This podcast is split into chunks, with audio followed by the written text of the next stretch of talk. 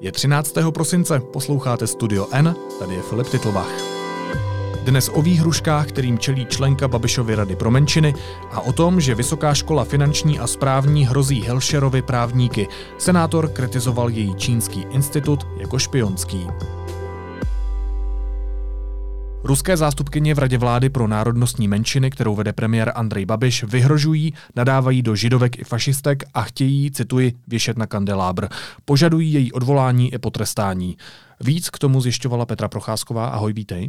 Ahoj. Petro, premiér Andrej Babiš i místo předsedkyně Rady vlády pro národnostní menšiny Helena Válková čelí docela velkému tlaku, aby eh, z vládní rady odvolali současnou zástupkyni ruské menšiny Eugenie Číhalovou. Co je to za ženu? Ehm, Eugenie Číhalová je uh, dcerou carského důstojníka, který eh, uprchl eh, po Velké říjnové socialistické revoluci ve 20. letech minulého století z Ruska do Československa tehdejšího jako mnoho, mnoho dalších ruských intelektuálů a bělogvardějců, prostě odpůrců toho nového režimu a je vlastně Češkou s ruskými kořeny, mm-hmm. ženou, která se hlásí k těm starým ruským tradicím. Je to vlastně dneska už česká intelektuálka, žena velmi aktivní a zajímavá. Vzdělaná. Ona se hlásí i k českým demokratickým tradicím, jak jsem pochopil. Jak jsem já pochopila, tak ona se vlastně cítí být Češkou. Ona velmi, velmi tady prožívá eh, veškeré změny, ať už pozitivní nebo negativní. Eh, velmi, jak si aktivně se účastní politického života, je občansky taková velmi zdatná, eh, ale zároveň v sobě má ty ruské kořeny hmm. a vlastně myslím si, že duší je částečně Ruska, má Rusko ráda, má ráda ruskou tradici a velmi záleží na tom, aby ta ruská obština, jak oni říkají, ta, ta menšina, která tady u nás v České republice žije, eh, aby byla nějakým způsobem eh, s Českou republikou zžitá, bych řekla. A kdo vytváří ten tlak na její odvolání a z jakého důvodu? A to je strašně zajímavé. Eh, prostě Rada pro národnostní menšiny je radou, ve které mají národnostní menšiny v České republice své zástupce. Eh, paní Číhalová tam byla jmenována, eh, celkem se nic nedělo, až došlo nedávno k takovému jejímu vystoupení, které se týkalo známé kauzy, o které jsme také psali v deníku N, sochy maršála Koněva v Dejvicích, hmm. kde ona byla jednou z mála vlastně představitelek té ruské komunity, která se vyslovila za odstranění té sochy. No a to vyvolalo ale neuvěřitelný, neuvěřitelný humbuk eh, nejen v ruské eh, komunitě, ale i v takové té komunitě, které já nazývám kolektivně přátelé Ruska, to znamená lidé, kteří si myslí, že nejlepší by byla naše orientace na Rusko a nejlepším prezidentem ve střední Evropě by byl pan Vladimír Vladimírovič Putin.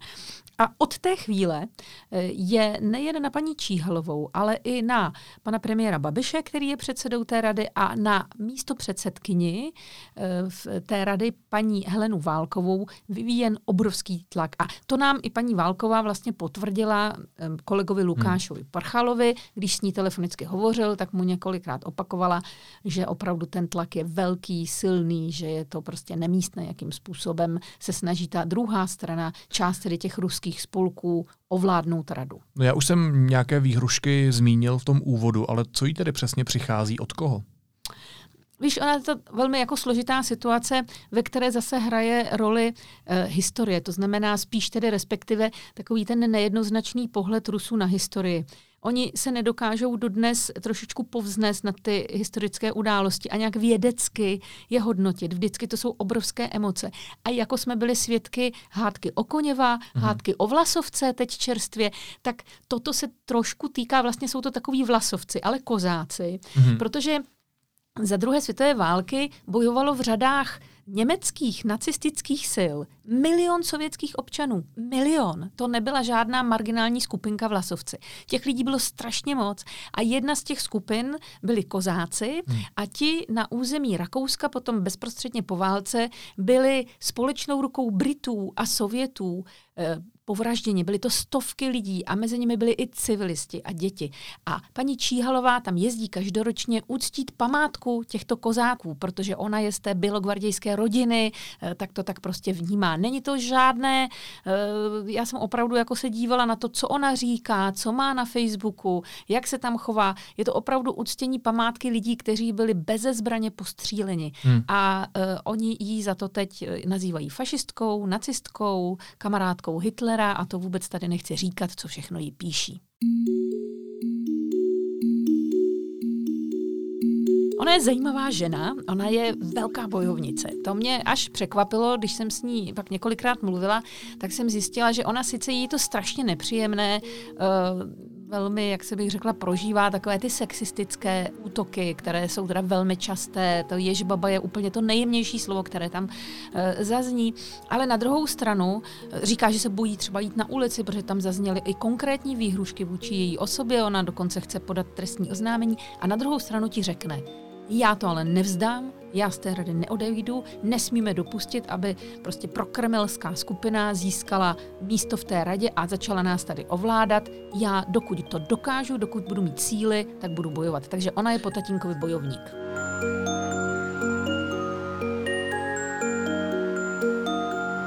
Ty třeba v tom textu s Lukášem Prchalem, nebo vy píšete, že uh, si Eugenie musí dávat pozor třeba, kde pořádá přednášky, kde se pohybuje a tak dále. Musí se ona skrývat kvůli tomu?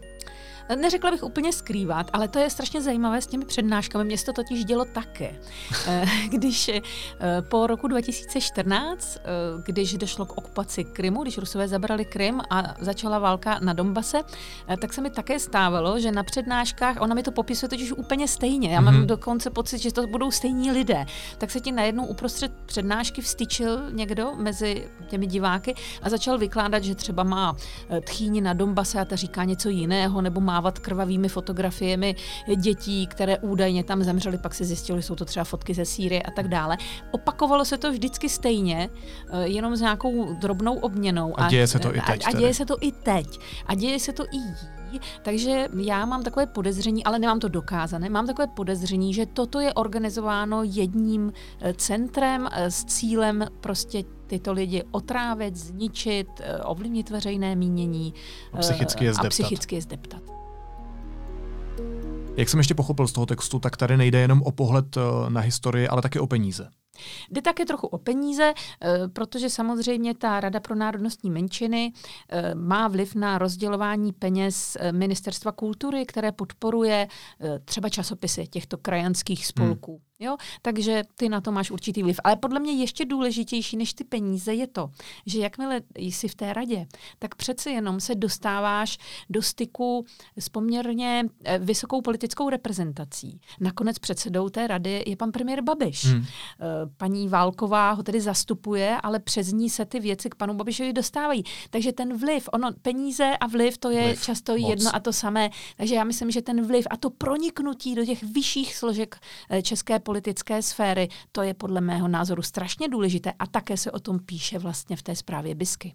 No a když jsme u toho, tak možná ještě závěrečná otázka. Zajímalo by mě, jestli premiér Babiš nebo Helena Válková ustoupí z toho tlaku a odvolají Eugeny, nebo jestli to vydrží? Já si myslím, že neustoupí, nebo zatím ne mě, ale Lukášovi Prchalovi říkala paní Helena Válková, že rozhodně neustoupí. My to také v tom článku máme i s jejím zdůvodněním, i s tou historickou zprávou historického ústavu o tom, proč Hmm. Není možné paní Číhalovou nazývat nacistkou, to je strašně zajímavé, ta zpráva mě teda velmi zaujala. A uh, spíš si myslím, že to uh, vyřeší tak kulišácky, že tam nakonec bude jmenován ještě druhý zástupce eh, té ruské menšiny v České republice. Podle mě je to geniální obraz toho, jak Rusko funguje dnes, doma hmm. i v mhm. zahraničí. Je to hluboce rozdělená společnost. Takže tam budou i dva rozdílně. Tam budou tam dva znepřátelené tábory mít zastoupení. Myslím, že si paní Válková ještě užije. Říká reportérka deníku N Petra Procházková. Díky moc, Petro. Hezký den. Následuje krátká reklamní pauza. Za 15 sekund jsme zpátky. Pozor, pozor! Na obrazovky diváků T-Mobile televize přijíždí vánoční dárek první třídy. Přes Vánoce si k vašemu tarifu můžete zdarma projet všechny naše exkluzivní stanice, včetně Premier Sport. Příští zastávka je T-Mobile.cz lomeno Vánoce. Teď jsou na řadě zprávy, které by vás dneska neměly minout. Ve Velké Británii vyhráli konzervativci premiéra Borise Johnsona, v předčasných parlamentních volbách získali absolutní většinu v dolní sněmovně. O uskutečnění Brexitu je tak rozhodnuto. Cituji, Evropskou unii opustíme 31. ledna. Už neexistují žádná pokud, žádná ale, žádná možná, okomentoval Johnson výsledek. Labouristé Jeremyho Corbina mají 203 křesel. Národní protidrogová centrála rozkryla mezinárodní skupinu obchodníků s kokainem a heroinem. Nyní podal vyšetřovatel návrh na obžalobu 58 lidí. Jedna osoba během vyšetřování zemřela a další člen skupiny si nyní odpikává trest v Austrálii. Střelba v Ostravě má už sedmou oběť. Kriticky zraněná žena přes operaci a veškerou zdravotní péči zemřela.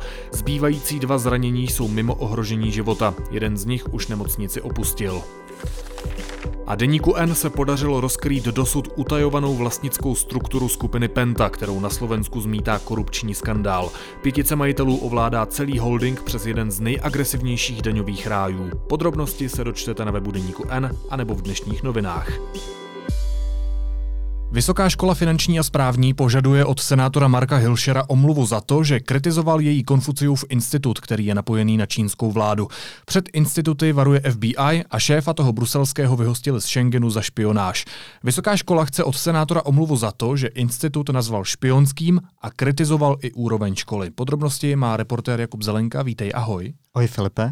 Kubo, jak přesně vznikl ten spor mezi Vysokou školou správní a Markem Hilšerem? Co si přesně senátor napsal uh, na svůj Facebook? Na Facebook si napsal, že vlastně ta škola je pochybná, protože uh, jsou tam třeba falešné tituly, nebo že se zaplétá do těch klientelistických sítí a mimo jiné varovali i před tím, že tam vzniká Konfuciův institut s ekonomickým think tankem, který částečně nějakým způsobem financuje Čína a který uh, zřizovává právě čínské ministerstvo školství.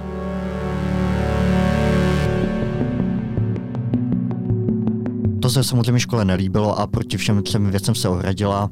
Uh, nejvíc ale samozřejmě zasáhl jakoby ten Konfuciův institut, uh, kde tuhle tu část zrovna jako urgovala i v následující dopise. A jak přesně reagovala přímo na pana senátora? Co po něm chce? Škola po něm požaduje, aby na své facebookové stránce zveřejnil omluvu a už teďka jakoby jeho žádá, aby jim dal kontakt na své právníky, protože evidentně se počítá s tím, že ten spor bude nějak jakoby probublávat a bude, bude se to řešit mezi právě těma právnickýma jako zástupcema. A oslovil si Hilšera, bude se chtít omluvit? Ono připouští, že ta jeho formulace třeba o falešných titulech eh, byla špatná, eh, protože ve skutečnosti v minulosti tu školu zatěžovala kauza uh, rychlostudií, to znamená, že člověk dosáhl na ten titul trošku dřív, než by třeba měl, upozornil na to před lety hospodářské noviny a tak za to je ochoten se omluvit za ten Konfuciův institut, anebo za to, že tam působí pan Gerloch, který v minulosti byl taky jako nějakým terčem třeba plagiátorské aféry nebo velmi zajímavých vztahů s panem prezidentem, tak za to se omlouvat nechce. Ale skutečně to vysí teďka spíš kolem toho Konfuciova institutu.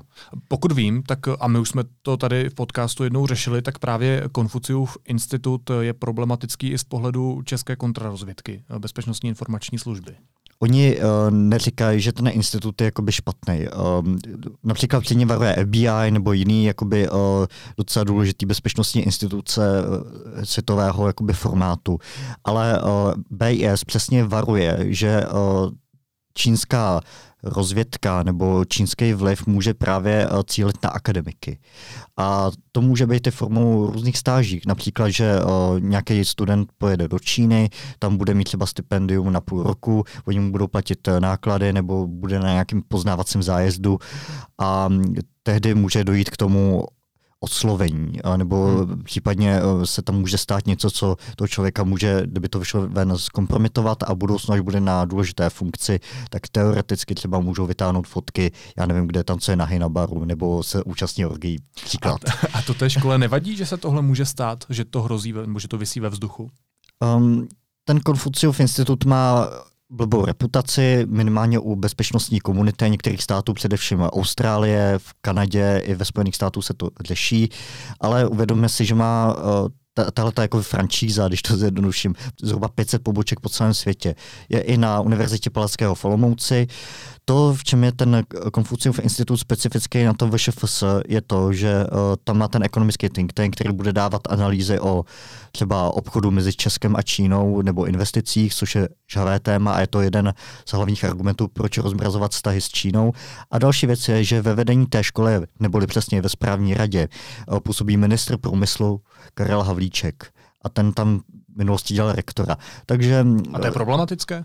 No, minimálně třeba jeho podřízení psali jako do toho bulletinu, eh, který zveřejňoval ten ekonomický think tank teďka.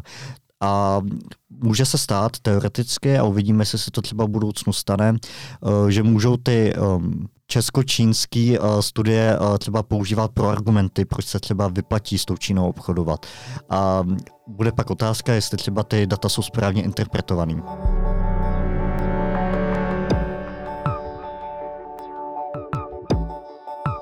Podobný institut, jaký popisujeme u Vysoké školy správní, tak ty se zmínil, že funguje i na Univerzitě Palackého. Tam nikomu nevadí? Tam je to v pořádku? Samozřejmě média se v minulosti zabývala, ať to byly hospodářské noviny nebo deník N, tím, že tam ten institut je, že má nějakou blbou pověst a uh, zajímali jsme se o to, my novináři, jak to vlastně funguje. Uh, ty náklady o, na půl hradí Čína, na půl to hradí ten úpol, nějak jako vždycky dojdou koncenzu, jak by to mělo být financovaný, nebo kolik peněz se za ten rok dá. Je tam někdo i přímo z Číny, který uh, tam učí, často Čína platí právě ty čínský učitele, ale ten úpol se zaměřuje především jakoby na jazyky, jo. takže Podobně jako když máte různé jako oxfordské školy angličtiny nebo něco podobného, tak uh, vy v tom Konfuciově institutu můžete získat um, certifikát, že umíte dobře čínsky. Jo, a ještě jedna třída je v Ostravě. A co jsem tak koukal, tak ten úpol skutečně jako se spíše zaměřuje na ty jazyky a ty ostatní jako otázky nechává v pozadí. Jakoby možná ještě taková osobní otázka hmm. na závěr. Ty se u nás v redakci věnuješ především právě čínskému vlivu u nás na území České. Jak náročné je uh, zvedat tyhle témata? Ty umíš čínsky třeba? Neumím čínsky. Um, já se na to koukám z pohledu bezpečnosti a z pohledu, řekněme, eh, pronikání nějakého čínského vlivu jako nějaké instituce nebo případně nějaké firmy eh, do našeho demokratického systému nebo případně do nějakých jako institucí. Jo, takže já popisuju tohleto, já nepotřebuju eh, psát o čínské kultuře. Já píšu o její totalitní politice a její vlivu totalitní politiky na naší demokracii, a což může být hrozba. Říká reportér Jakub Zelenka. Díky moc. Taky děkuji, Filipe. A na závěr ještě jízlivá poznámka. Premiér Andrej Babiš včera před odletem na summit Evropské rady skritizoval finské předsednictví Rady EU. Cituji. Byla to totální katastrofa, co předvedli Finové. To je docela silné tvrzení od země, která to Evropě osladila. Naslyšenou v pondělí.